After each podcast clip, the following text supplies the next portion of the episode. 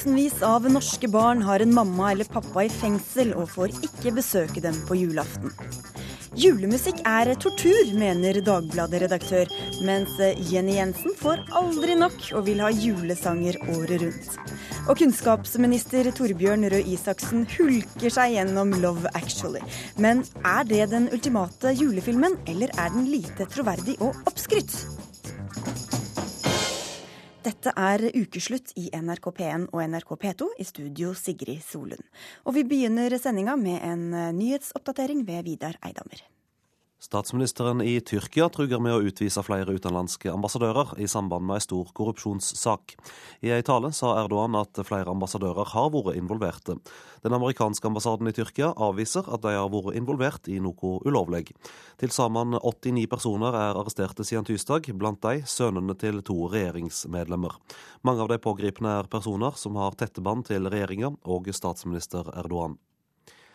Kenya vil sende soldater til Sør-Sudan for å evakuere rundt 1600 kenyanere. Det opplyser presidenten sitt kontor. Mange av de kenyanske statsborgerne sitter fast i byen Bor, som opprørsstyrker har kontroll over. Før søndag brøt det ut kamper i hovedstaden Juba mellom ulike væpna grupper, og kampene har spredd seg til andre deler av landet. Mannskapet om bord på KNM Fridtjof Nansen ble tatt imot av ledelsen i Sjøforsvaret og av statsminister Erna Solberg da skipet kom til Håkonsvern i formiddag. Fregatten har vært med i antipiratvirksomhet utenfor Somalia. KNM Fridtjof Nansen og Norge har for første gang vært kommandofartøy for den ene av Nato sine fregattstyrker. I Bergen ble en mann fastklemt da bakken gav etter i et smau i sentrum av byen. Mannen var sokket ned til livet og satt helt fast, men brannvesen og politi fikk til slutt mannen opp. Ifølge Bergens Tidende er han ikke alvorlig skadd. Polske Justina Kowalczyk vant klart den klassiske sprinten i Asiago i Italia i dag. Maiken Caspersen Falla ble nummer tre. På herresida var Elda Rønning uheldig i finalen og brakk staven. Russiske Nikita Kriukov vant rennet. Nå holder ukeslutt fram om barn som har en mamma eller pappa i fengsel. Og jeg får nesten angst når jeg, når jeg er der inne, fordi man får nesten ikke puste. Bare noen sofaer og noen stoler og en vask. Carmen har hatt en pappa i fengsel i mange år, og for to år siden fortalte hun Ukeslutt hvordan det var. Hun deler skjebne med mange tusen barn i Norge som har mor eller far i fengsel. Og sikkerhetshensyn, lav bemanning og få ressurser gjør at mange barn av innsatte ikke får være sammen med foreldrene på julaften, selv om det er det de har lyst til. Men i år har faren til Carmen fått permisjon fra fengselet, og for første gang på sju år skal de være sammen både i jula og under førjulsforberedelsene. Eh, nå skal vi ta og finne noen sko som jeg kan ha på meg på julaften. Til en veldig fin kjole jeg har funnet meg. Hva er det som er spesielt med akkurat denne julaften her, da? Det er at eh, jeg og faren min skal feire jul første gang sammen. Etter jeg vet ikke, sju år. Så det blir veldig spennende. Så vi prøver å finne noen spesielle sko. ja. Er det noe du kunne tenke deg at hun skal ha på seg, eller noe ekstra fine sko? Hun får gjøre akkurat som hun vil. Det er hennes, hennes jul. Skal vi lete litt, da? Ja. 14 år gamle Carmen og faren hennes er på Oslo City midt i det hektiske julerushet. Det er mange år siden sist. Pappaen til Carmen, som vil være anonym, har sittet i fengsel og sonet en lengre narkotikadom siden Carmen var syv år. Dette er aller første gang han har fått perm på selveste julaften. Og det er stor stas både for far og datter. Hva er det du gleder deg mest til med denne jula? Ja, Nyte den sammen med dattera mi enn det er til mange år inne på lukka fengsel. Og du, hva gleder du deg mest til? Egentlig bare å være sammen med faren min. Egentlig, ja. Det er ikke noe særlig Gaver er ikke noe viktig, egentlig. Så det ville vært bare fint om endelig kunne oppleve gamle dager, kan man vel si. Det er jo ikke det julen dreier seg om, å få gaver. Være som pappa? Ja. Mellom 6000 og 9000 norske barn får hvert år ikke tilbrakt jula sammen med begge foreldrene fordi mamma eller pappa sitter i fengsel. For Carmen har det blitt mange slike julaftener. Rådgiver ved organisasjonen For fangers pårørende, Kjersti Holden, tror at julehøytiden kan være ekstra tøff og ensom for barn med en mor eller far i fengsel. Det er ofte veldig mye usikkerhet før jul på om mamma eller pappa får lov å komme ut. Får de permisjon eller ikke? Og fengsla er ofte ganske dårlig på å gi beskjed i god tid, så man vet hva man har å forholde seg til. Så det er en del unger som blir skikkelig skuffa like før jul. Uh, og det, vi hører om unger som blir rett og slett fysisk dårlig, og det er lett å sette det i forbindelse med den, all den usikkerheten og uvissheten i forbindelse med jula. Altså, det er jo aldri barns skyld at foreldre sitter i fengsel, men likevel så opplever de ofte at de blir sterkt ramma av straffen mot foreldrene.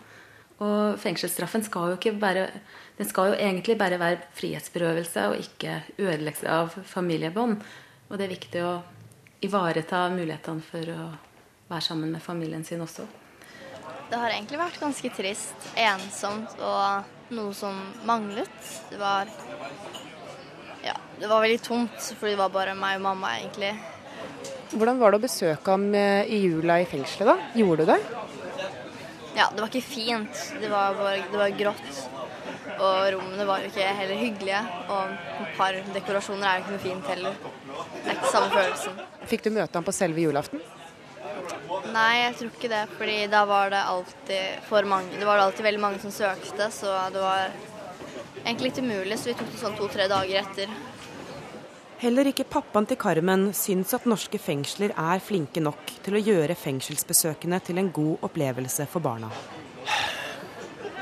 Jeg har jo sett sånne halvhjerta forsøk fra fengselssida, men eh, det duger ikke. Det er bedre å la være enn å gjøre det halvhjerta. Faktisk. Det, det, er så kaldt, det miljøet og det samfunnet der, at det, det er ingen plass å ha barn. På Ullersmo har det vært noen eh, juleverksted i forbindelse med besøksavdelinga, men det blir bare for noen enkelte. For det, det, er ikke kapasitet, verken bemanning eller økonomisk, til å gjøre det helhjertet for alle som ønsker å ha besøk av, av barn. Dessverre.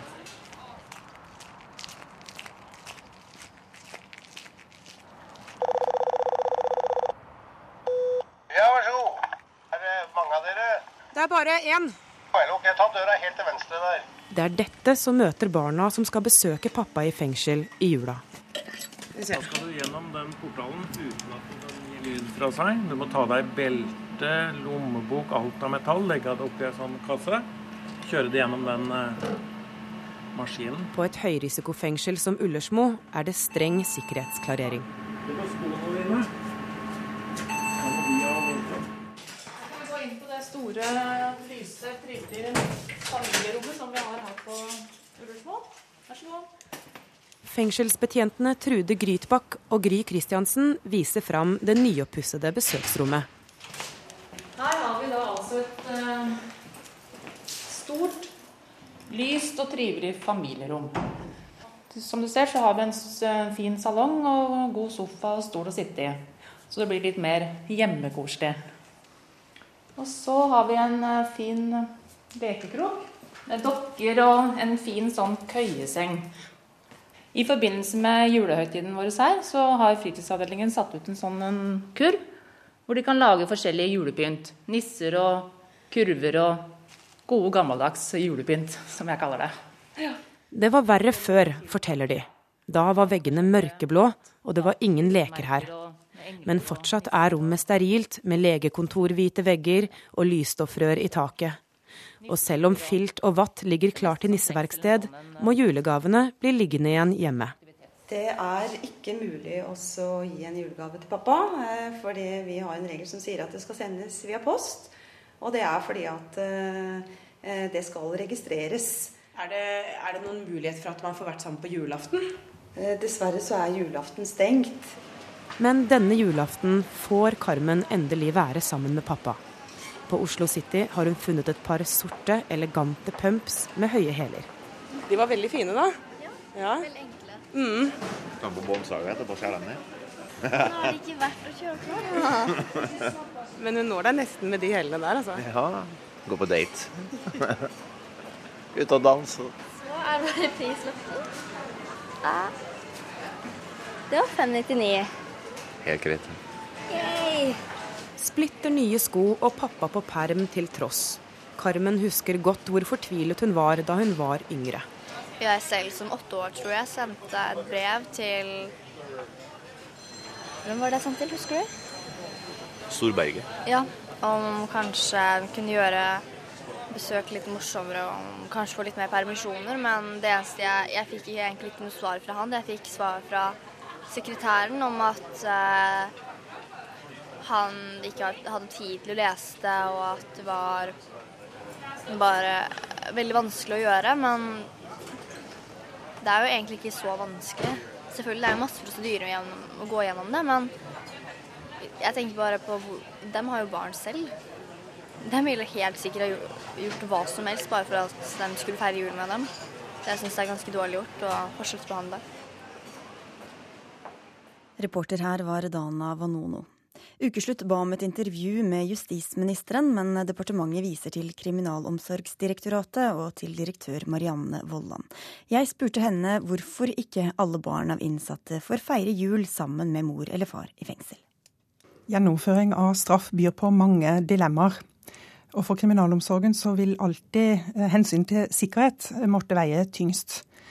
Eh, men vi ser jo at både for en god gjennomføring av straffen, det å forberede på et liv etter løslatelse, eh, så er det positivt og viktig å styrke og videreutvikle familiebånd.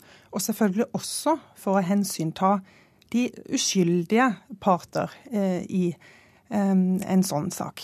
Hva synes du da om at det kan oppleves for de barna at de også får en eh, straff? Nei, det blir rett og slett en konsekvens av det at um, straff får virkninger også for de som ikke direkte skal straffes. Uh, når det er sagt, så ønsker kriminalomsorgen da å legge til rette for kontakt gjennom uh, besøksordninger. Vi uh, har hatt en god utvikling i det å gjøre fasilitetene ved besøk bedre. Og også har vi startet med å etablere barneansvarlige ved våre fengsler og friomsorgskontor. Men har alle fengslene fått barneansvarlig nå?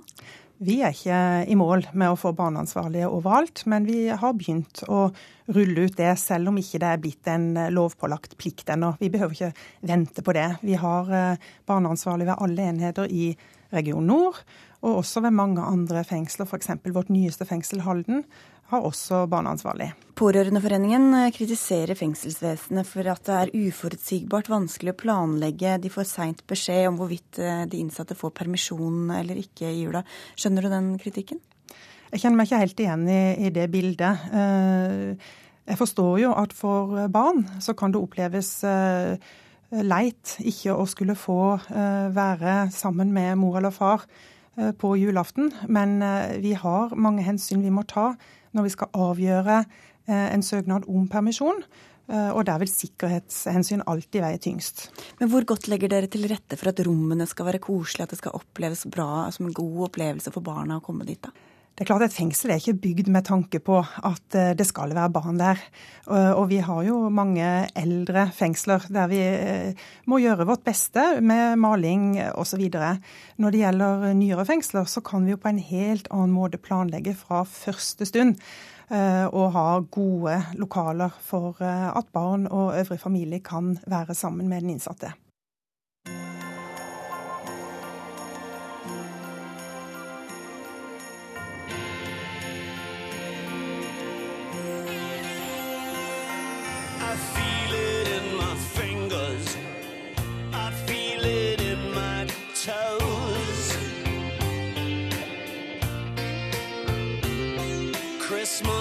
All around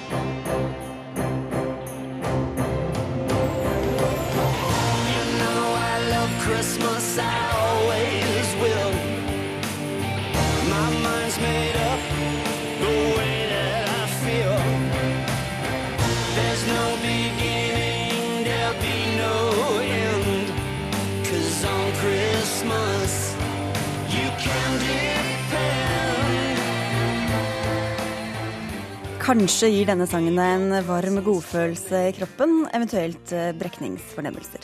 'Christmas Is All Around' er fra filmen 'Love Actually', som er blitt fast juleritualet for mange.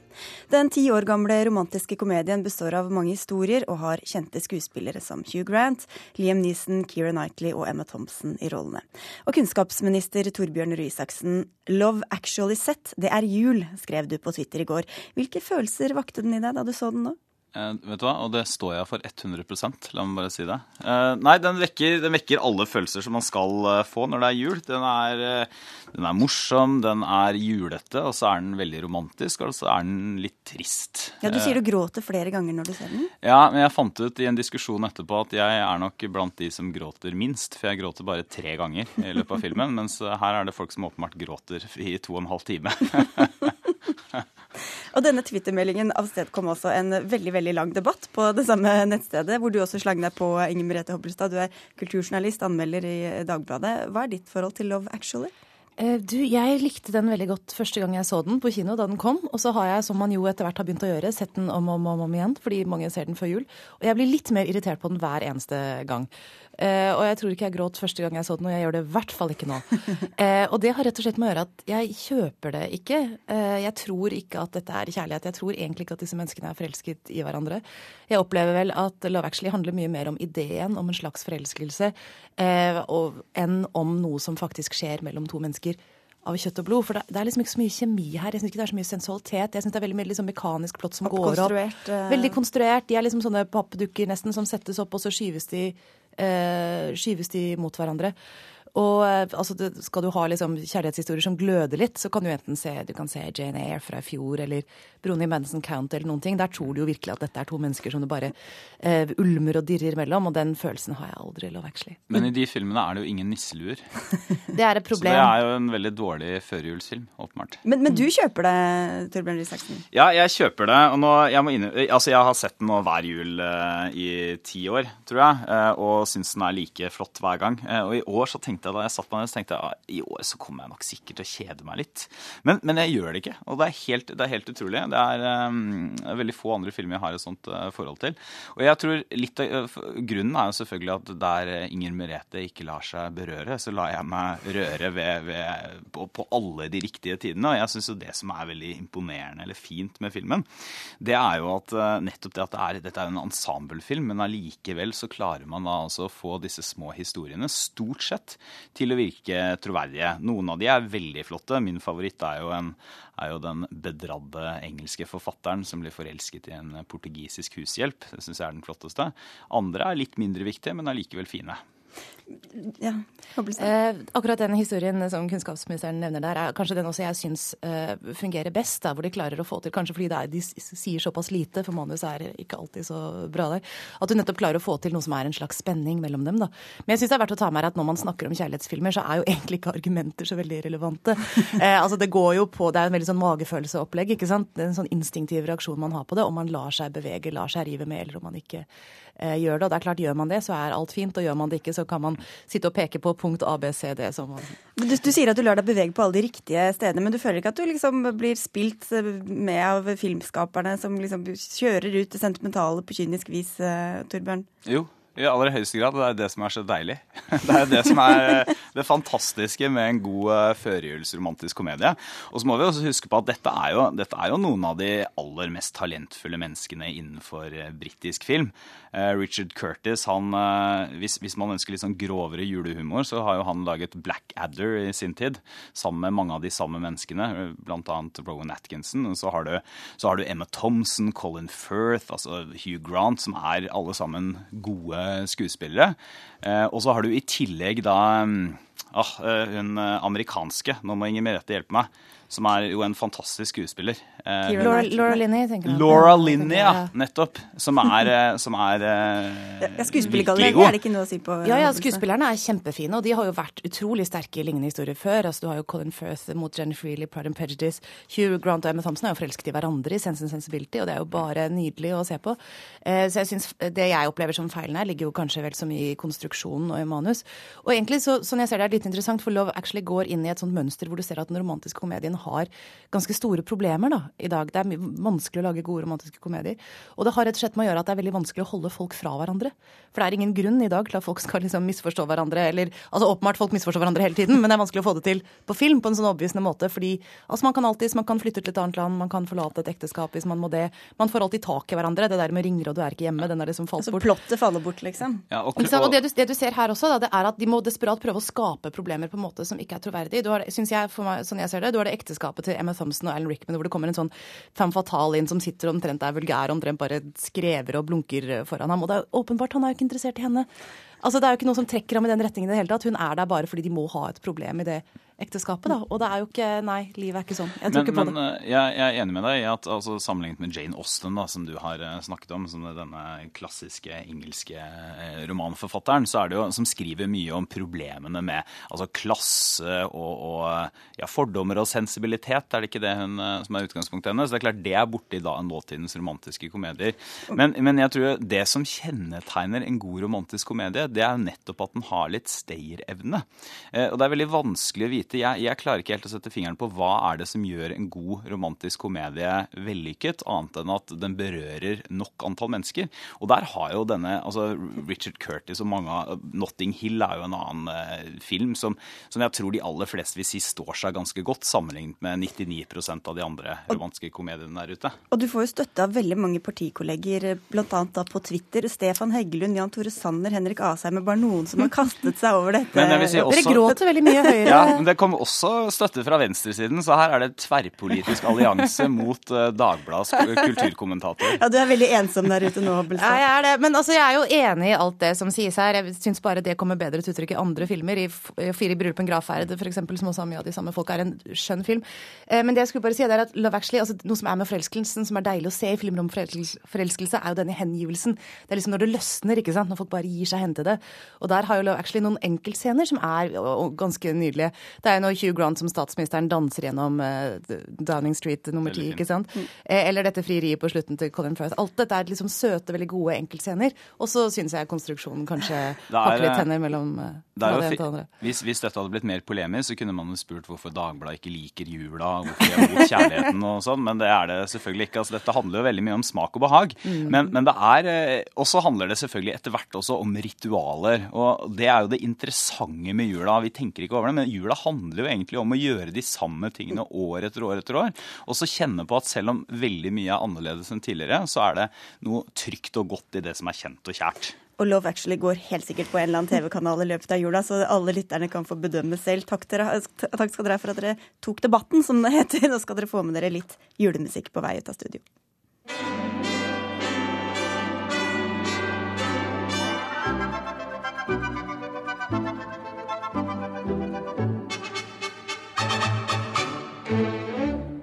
beginning to look a lot like Christmas everywhere you go. Take a look in the five and ten, glistening once again, with candy canes and silver lanes aglow. It's beginning to look a lot like Christmas. Toys in every store but the prettiest sight to see is the holly that will be on your own front door. A pair of hop-along boots and a pistol that chooses the wish of Barney and Ben. Dolls that'll talk and we'll go for a walk is the hope for Janice and Jen. And Mom and Dad can hardly wait for school to start again. It's beginning to look a lot like Christmas everywhere you go. Now there's a tree in the Grand Hotel, one in the park as well. The sturdy kind that doesn't mind the snow. It's beginning to look a lot like Christmas. Soon the bells will start. And the thing that will make them ring is, is the carol that you sing right within your heart.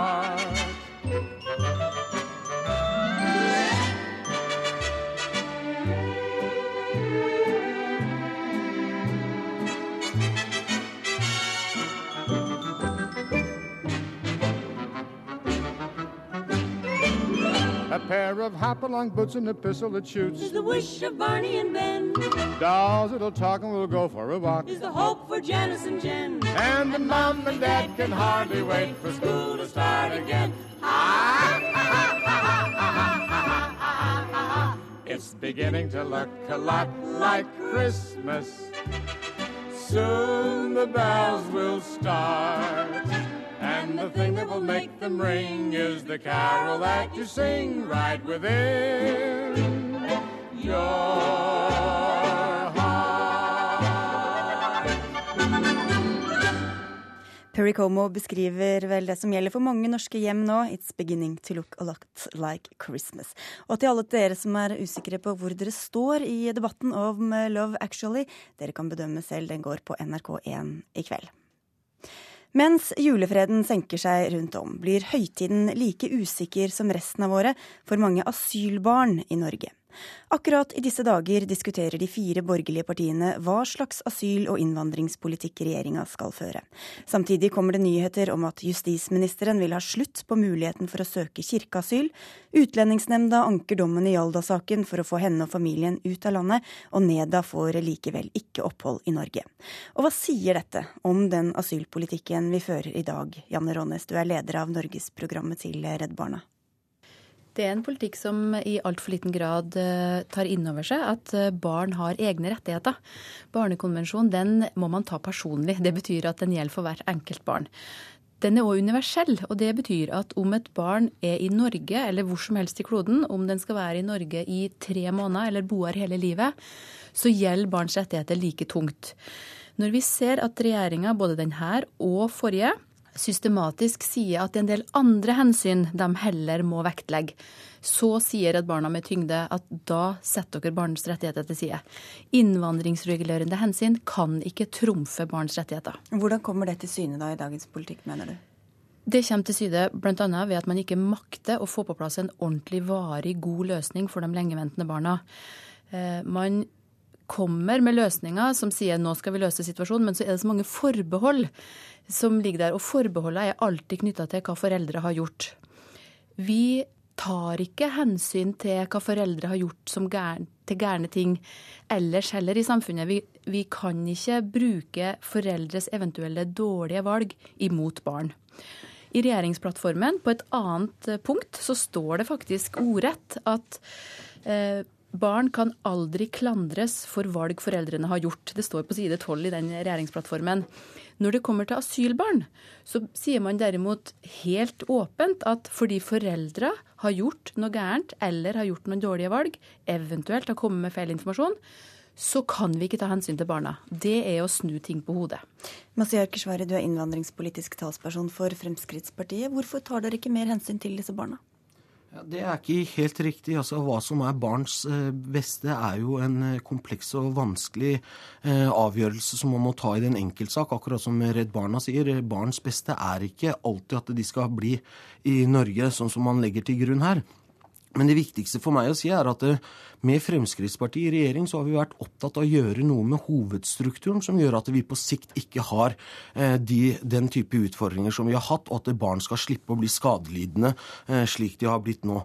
For vi ser jo også at de sakene både du nevnte og andre saker viser at barn settes i en svært uheldig og vanskelig situasjon når de skal returneres. Derfor har vi sagt at hovedgrepene vi gjør på dette feltet, er å se på asylinstituttet, der vi gjør to hovedgrep. Det ene er å opprette mottak, altså integreringsmottak for de som har fått opphold og skal bosettes mens de venter på å bli bosatt i norske kommuner. Og så har vi retursentre for de som ikke skal være her.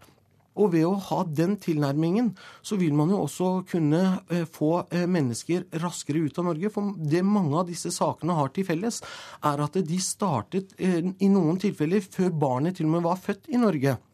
Man har hatt en grundig vurdering av situasjonen til foreldrene. Man har funnet ut at disse menneskene har ikke behov for beskyttelse og har ikke krav på opphold i Norge. Og da er jo regelen det at da skal de ut av Norge.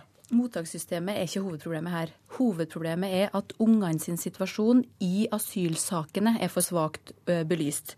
Det er derfor vi sier det må komme på plass en ny regel som viser utlendingsforvaltninga, altså UDI og UNE, må få et nytt verktøy som viser dem hvordan de faktisk skal bruke barnets beste. For jeg er enig med at barnets beste det kan bli et forslitt begrep. Nå må vi fylle, og politikerne må fylle barnets beste-begrepet med nytt innhold ved å lage en ny lov som sier hvilke ting ved dette barnets liv er det som skal vektlegges. Og så må man dokumentere at man har gjort det. Jeg tror at hvis vi får en mye sterkere vurdering av barnets situasjon fra dag én, ikke bare ser på foreldrenes situasjon, men også barnas situasjon, så vil vi hindre mange såkalte omkamper om barnas situasjon. I dagens forvaltning så er det så svake og generelle vedtak at det er helt umulig å vite om barnas rettssikkerhet er ivaretatt. Og Det er derfor vi mener at man må nå ha en ny lov som da definerer og utdyper hva barnets beste faktisk betyr. Men altså, Man kan alltid diskutere og se på om alle saker er godt nok eh, behandlet eller ikke. Rettssikkerheten til alle mennesker i Norge, enten de er asylsøkere eller ikke, er viktige. Men poenget er at man vurderer jo alle sider. Så det er ikke behov for en ny lov eller ny Nei, forskrift? Ikke nødvendigvis. Altså, vi ser gjerne eh, på det og kan diskutere nye måter å, å, å gjøre det på, men en helhetlig vurdering av familiens situasjon jo også, legges jo også til grunn den dag i dag.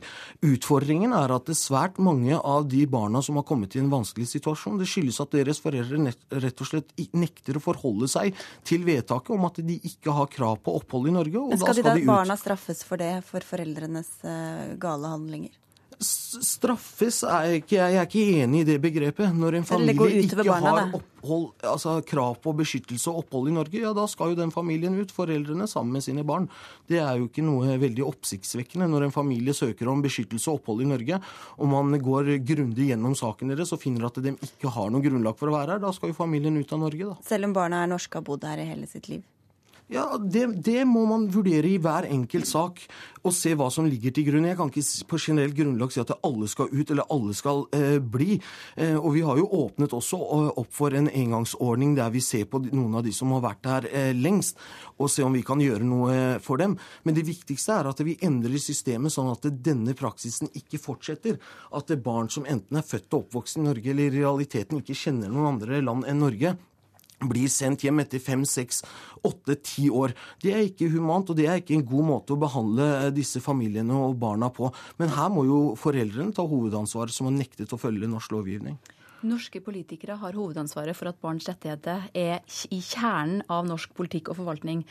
Og vi ser nå at når saker hva gjelder asylbarn kommer til domstolene, så taper utlendingsforvaltninga.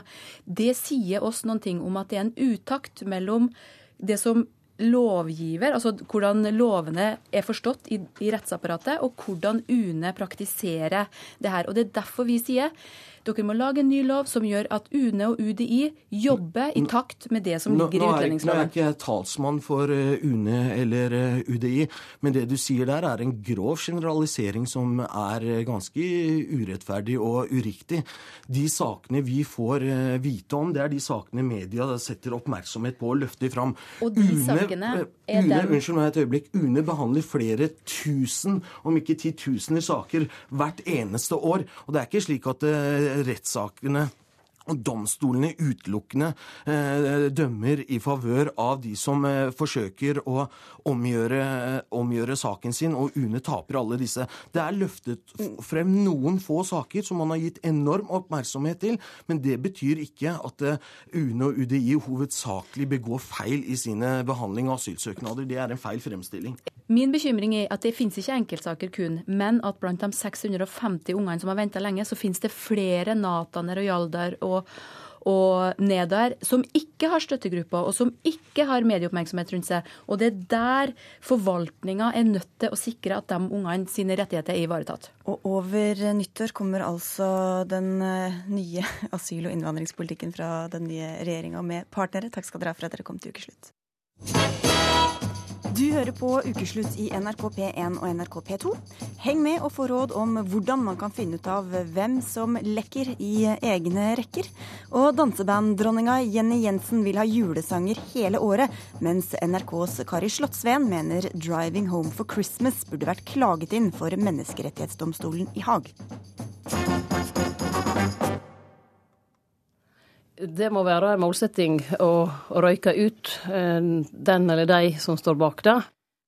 Et intervju med Senterpartileder Liv Signe Navarsete i NRKs Politisk kvarter skapte mye bruduljer, fordi hun var mer opptatt av å finne ut av hvem som hadde lekket fra en intern rapport, enn av kritikken rapporten kom med, bl.a. av partiledelsen. Men i går slo hun tilbake mot kritikerne. Jeg har aldri tatt til orde for heksejakt. Jeg oppmoda som partileder den som hadde lekka til å stå fram, eh, men jeg har aldri noensinne oppmoda til noen heksejakt på noen. Og Navarsete beklaget at hun kom med utrøykingsuttalelsen etter å ha vært på julebord dagen før, og sier at eh, vi har jo ingen mulighet til å røyke ut eller drive detektivarbeid. Men det har ukeslutt ved hjelp av en dreven detektiv. Jeg er Leif Alier. Jeg er også tidligere politiinspektør. Arbeidet eh, på Kripos i Oslo med drapssaker og alvorlig kriminalitet. Og har etterpå i mange mange år vært privatetterforsker.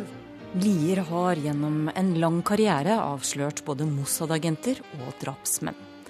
Vi har funnet oss en stille krok der jeg kan legge fram det vi har av bevismateriale. F.eks. denne første artikkelen som sto på trykk i VG 7.12. Det var før rapporten ble lagt fram. Mm. Og så har vi denne rapporten. Altså Her er jo navnene på de som har vært med i uh, rapporten. I rapporten får Navarsete mye av skylden for det dårlige valgresultatet. Men det er altså lekkasjene til VG før rapporten kom, som ser ut til å plage henne mest. Ja, Spørsmålet er jo hvem var det som var til stede når de arbeidet med denne rapporten? Uh, har de hatt noen sekretærer som har skrevet for dem? Har det vært slik at uh, de har sittet helt avsondret fra andre, eller har de sittet på steder hvor andre kan ha overhørt ting som har blitt sagt? Det er også veldig viktig. Så det er ikke noe umulighet at det kan være andre. Og på hvilket tidspunkt kom disse opplysningene til VG i forhold til hva er det som ble sagt på disse møtene, og hvem er det som kunne ha overhørt dem? Dette er en for å si det på godt norsk, en tricky jobb. Det er ingen hemmelighet at det har vært litt dårlig stemning mellom partilederen og særlig én av dem som har skrevet rapporten. Lederen av Senterpartiets Ungdom den gangen, Sandra Borch. Men den erfarne etterforskeren advarer mot lettvinte løsninger. Fordi at hun har hatt en intern diskusjon, så betyr ikke det at hun er den som lekker til andre. Jeg utelukker ikke noen av disse. Det kan være hvem som helst. For et parti må faktisk gå i takt. Så det finnes folk i partiet som ikke vil partiet vel. Hvordan skal så Navarsete få kustus på partikollegene sine og lære dem å holde på hemmeligheter? Ivar Kristiansson, tidligere leder i Rød Ungdom, valgt på det siste hemmelige landsmøtet Rød Ungdom hadde. Fins det noe å hente fra historikken i f.eks. AKP-miljøet, eller sånn for å disiplinere egne medlemmer? Altså, de var jo sinnssykt flinke til å holde på hemmeligheter. Og det som jeg tror er forklaringen, er jo rett og slett at du må på en måte få skrekken i medlemmene. Sånn at på AKP på 80-tallet så trodde jo folk helt oppriktig at tredje verdenskrig var rundt hjørnet, at Sovjet var på vei. Og da, da klarer du å holde på hemmeligheter. Sånn, Sånn er det jo det å få, få skrudd opp krisestemningen i partiet og si at hvis ikke dette hvis ikke man holder tett nå, så blir norske, alt norsk landbruk lagt ned i løpet av tre måneder, f.eks. Så vil nok folk være flinkere til å holde på hemmelighetene. Hva med gulrot her? Altså belønning eller Ja, altså det er sånn angiversystem. Å lyse ut en slags dusør, da, selvfølgelig. Sånn at det, det går an å si at hvis du klarer å, å, å få den ansvarlige eh, angitt, da, så, så, kan det jo hende at, eh, at du kan få en, en, høyere posisjon i Senterpartiet ved neste valg. Men problemet med sånne angiversystemer er jo, er jo at, at, folk som angir vennene sine, de er jo aldri til å stole på. De er jo heller ikke til å stole på når de angir vennene sine. sånn at du ender jo fort opp sånn, sånn som under Moskva-prosessen. Det blir bare masse falske tilståelser. Og da har du ikke kommet til spor nærmere der du skal. da. Reporter her var Elisabeth Onsum.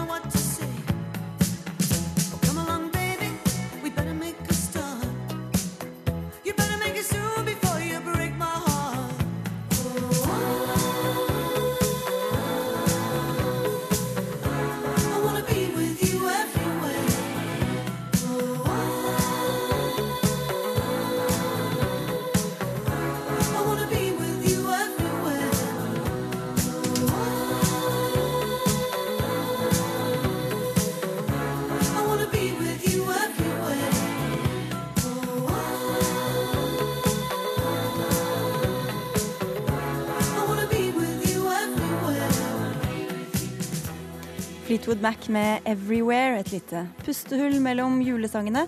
Men nå er det slutt på det. Vi skal over til kjente og for noen kjære toner.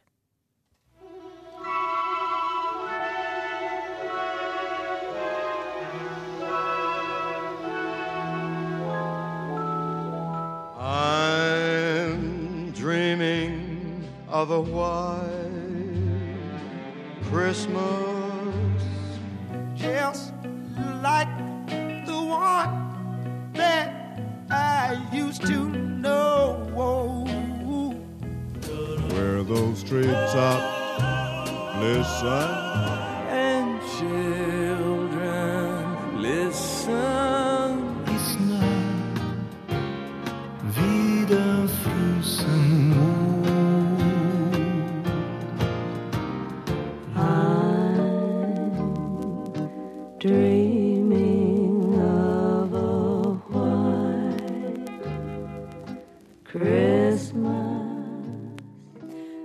Christmas er altså spilt inn utallige ganger, i likhet med veldig mange andre julesanger. Og noen får aldri nok av julemusikk. Andre snur i døra bare de hører Glade jul inne fra butikken. Men ikke du, Jenny Jensen. Du synger både med og uten danseband, og har vært på flere juleturneer bare i år. Hvorfor er du så glad i julemusikk? Nei, altså det er jo tradisjon, og det er jo noe som du har fått inn med morsmelka. altså Man går fra generasjon til generasjon, og, og det skaper stemning. Og jeg blir så glad når jeg ser alle kan tekstene. Og, og så syns jeg det er litt spennende når du hører nye versjoner og får liksom en ny vinkling på samme melodien. Nei, jeg får ikke nok ut av julemusikk. Jeg syns det er herlig. Kari Slottsveen, som mangeårig programleder i NRK, har du kanskje introdusert en og annen eh, julesang? Kan det Ja bli for mye for deg? Ja da.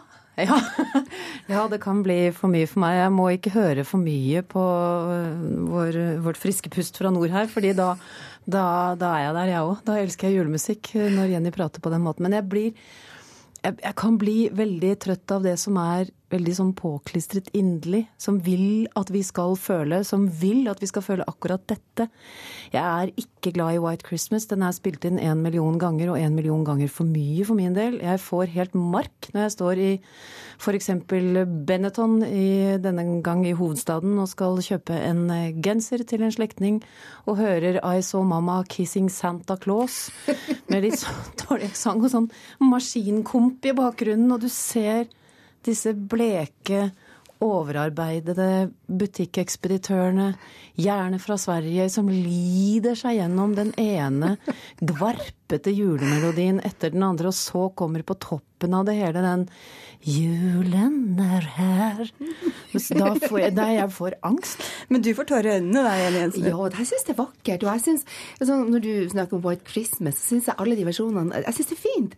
For at en versjon passer med panfløyte i, i den settinga, og en versjon passer med en kvinnestemme i den settinga, en versjon passer med en barnestemme. Jeg, jeg syns det er litt fint. Vi skal få inn en mannsstemme her også. Jon Olav Egeland, du er redaktør i Dagbladet, og du angrep jula og julesangene på Facebook og Twitter denne uka. Hva synes du om alle julesangene som omgir oss overalt nå om dagen? Jeg er vel det man kan kalle en juleskeptiker, da. Sur, gammel gubbe. Eh, eh, i, altså, jeg syns det er sånn overload av julemusikk at jeg får lyst til å anmelde NRK og andre til FNs torturkomité. Eh, jeg får lyst til å bevæpne meg hvis jeg hører en ny versjon eller enda Chris Rea synge 'Driving Home for Christmas'. Da, da får jeg lyst til å trekke en revolver. Eh, eh, for jeg, Det var jo greit så lenge liksom, julesangene hørte til med til julaften. Men når de har spilt den sammenhengende i en måned, så må man jo gå på veggen. I hvert fall jeg på å gjøre det. Hva er det som er så irriterende med julemusikken, syns du? Det er at den er, eh, som også Kari Slottsveen var inne på her, at den er ofte inderlig sentimental. Og ubehagelig sentimental. Den er ikke ekte, den virker påklistret. Den, den, den virker som, som kulørte lys, og ikke som levende lys. Nei, altså, jeg syns at det er veldig mye glad, gladhet i julemusikk. Det er jo masse julemusikk som det er både fart og futt. Og eh, julemusikken altså, er jo vi vant til at man skal gå rundt juletreet, og vi klapper i hendene. Og vi... Så jeg, jeg tenker helt motsatt. Det er masse glede, det er masse kjærlighet i jula. Det er jo ikke den derre Ja, nei, det, det skjønner jeg ikke helt. Jeg tror jeg ligger et eller annet sted mellom eh, Jensen og Egeland her, altså. Fordi at, ja, men jeg er helt enig med Egeland når han sier at eh, Chris Rea 'Driving Home for Christmas' er, er noe som egentlig burde vært tatt inn for Menneskerettighetsdomstolen i Haag. Jeg det er, den er, for meg er det angst og beven, og jeg blir trist og får lyst til å gå og legge meg i altfor mye klær under en altfor varm dyne. Men det er et eller annet sted i dette julespennet, ikke i butikkene, ikke alltid på radio med de samme låtene om igjen og om igjen, ikke I Saw Mommy Kissing Santa Claus, som jeg også har sånn, et hatforhold til, men kanskje Kanskje Rotmos Vårres jul, om juleslakt og om eh, unger som slåss og blodet renner på juletrefestene, om, eh, om julebakst og julebading. Kanskje Jussi Bjørling, den ene. Kanskje Rolf Just Nilsen som en som sjømann. Kanskje alle disse tingene. Kanskje Kanskje, skulle kanskje ja, Hva med Tom Bates vil jeg slå et slag for? Ja, hvilken da? A Christmas Card for My Hooker in Minneapolis, for eksempel, er jo en strålende julesang. Den har ikke du sunget igjen, Jensen, tror jeg. Han synger, og han synger også Silent Night. Ja, han gjør det. På en helt fremragende måte. Bob Dylan har også utgitt en bra uh, juleplate som som det faktisk er mye moro på. men Jon, Egeland, eh, Jon Olav Egeland, når du hører uh, Jussi Bjørling, da, altså sanger som du kanskje opprinnelig har et godt forhold til, uh, hva gjør det med disse sangene når de spilles på repeat og spilles inn 50 nye ganger hvert eneste år?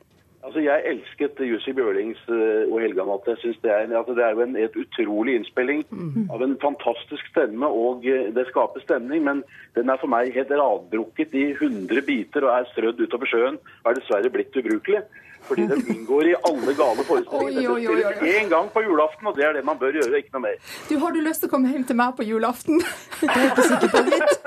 Åh, jeg må sette deg ordentlig i julestemning. Det er så lei meg når noen er så, så, så anti-jul. Og, og jula som er så nydelig, og jula som er barn, og jula som er liksom lys i mørketida og sånn. Du er hjertelig velkommen hjem. Du skal få både ribbe og pinnekjøtt. Jenny Jensen, du er et kakefat av juleraushet. Det er altså bare tanken på å rulles i juleglitter hjemme hos deg, og Goro og fattigmann og hele pakka. Ja takk, på en måte gjerne, men jeg tror likevel at Jon Olav Egeland og jeg ville stått litt sånn beskjemmet i gangen med alt vårt potensielle julehat slynget rundt halsen i en litt stram løkke der, altså.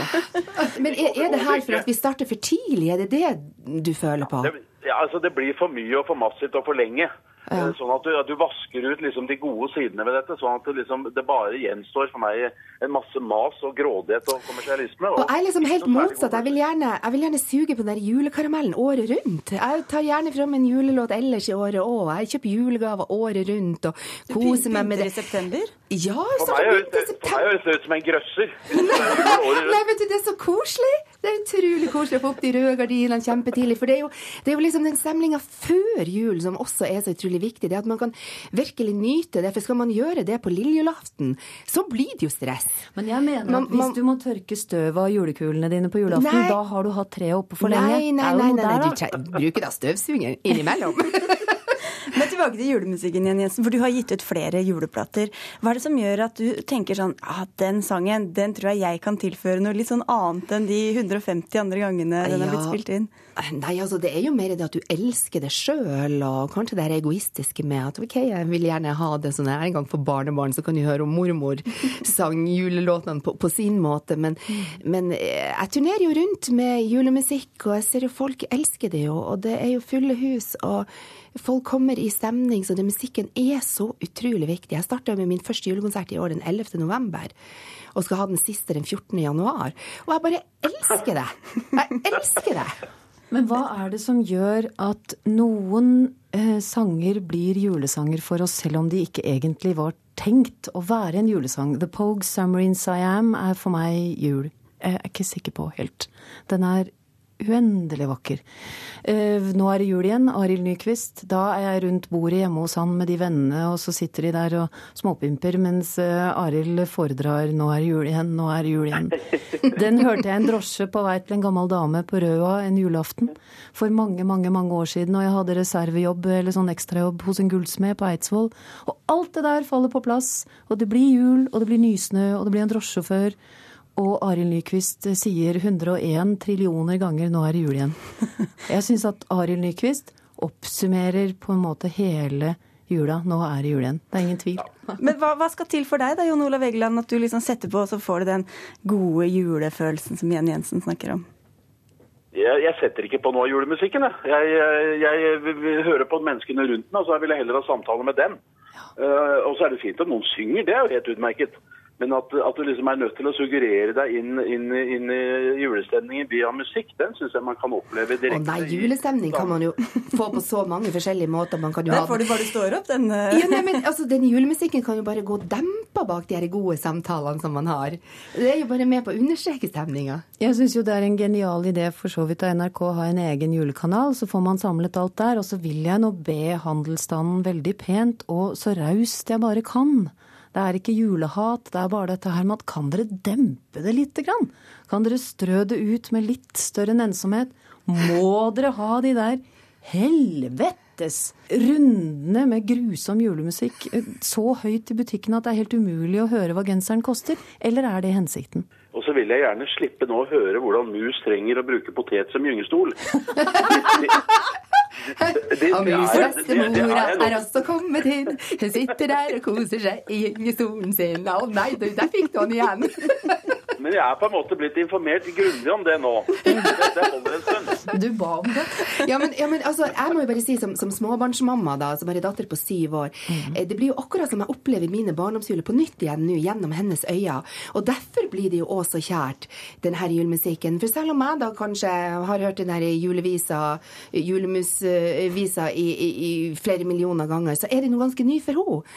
Og det er så koselig å se at den går inn. Ny generasjon tar det. Så nei, det her er vi lever til evig. Takk og pris. Men når vi kommer inn i stua på julaften og vi skal feire jul sammen, litt sånn på tvers av du vet, den litt store, utvidede, moderne familie. Eh, Og det lukter litt røkelse, og det er snø ute, og vi hører kirkeklokkene ringe, og så hører jeg på platespilleren sånn Sjå snøen han fell så kvi, fin og hvit, nå kjem det hest og slede hit. Da er det greit. Da er jeg med. Er det lov. Jula fra julaften er jeg med. og, når du, og når du tar ribba ut av ovnen, Jenny Jensen Jeg skjønner jo, Det er ikke så mye som skal til for å få deg julestemning, men hva er den ultimate sangen som er liksom Nå Nei. er det jul? Jeg må spille Jussi Bjørling og Helga Natt, og det må være hans versjon. Men det er altså Helligbrødet og først på julaften, så den kan vi ikke spille nå. Takk eh, til dere. Vi avslutter med å plage Jon Olav Egeland lite grann.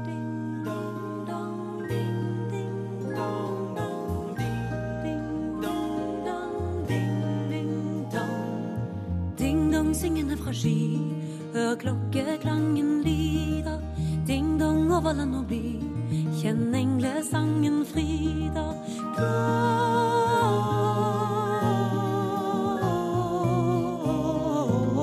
Gloria, Hosanna in excelsis.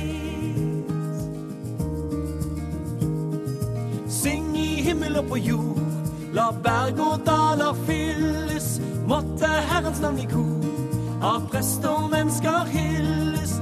Gloria,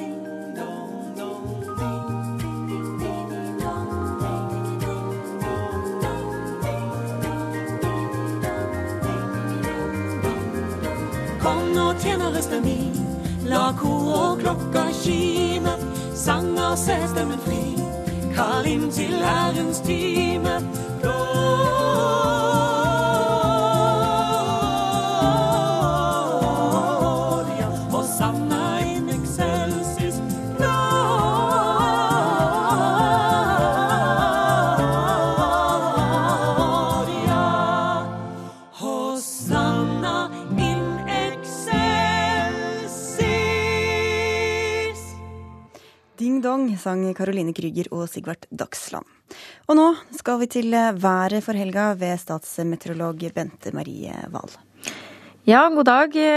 Det er litt vær, særlig i Sør-Norge. Vi har et stormsenter som nærmer seg Agder i natt, og det beveger seg inn Skagerrak, så det vil gi storm fra Rogaland til svenskegrensa.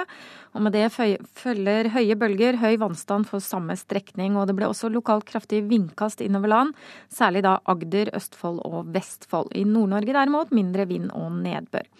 Hele landet får litt lavere temperatur de fleste steder. Og hvis vi starter i fjellet i Sør-Norge, sørlig kuling utsatte steder. Søndag kortvarig storm i Langfjella først på dagen. Enkelte byger i Langfjella og Jotunheimen nå, ellers oppholdsvær. Fra i natt kommer det snø, men utpå dagen i morgen overgang til byger igjen, da flest i vest. Østafjell sørvest eh, opp i stiv kuling utsatte steder. I natt blir det forbigående liten og kan hende full storm, som minker igjen utover dagen i morgen, først i Agder.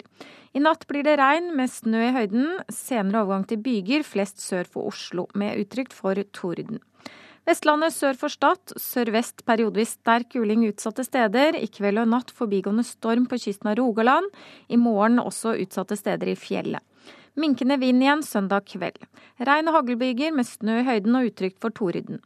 Møre og Romsdal og Trøndelag, her minker vind og nedbør utover kvelden. Men så øker det på til sørlig kuling igjen i morgen, perioder med regnbyger og snø i høyden, og uttrykk for torden. Nordland får litt regn som brer seg nordover, med snø i indre og høyere strøk. Søndag sørvest stiv kuling og regn først på dagen i nord, ellers sørøst frisk bris og oppholdsvær. Troms og Finnmark sørlig bris, oppholdsvær. Søndag sørøst frisk bris, dreiende sørvestlig, litt sludd og regn i Troms. Spredt snø i Finnmark, om kvelden lettere vær i Troms. Nordensjøland på Spitsbergen, her blir det østlig liten kuling utsatte steder og oppholdsvær.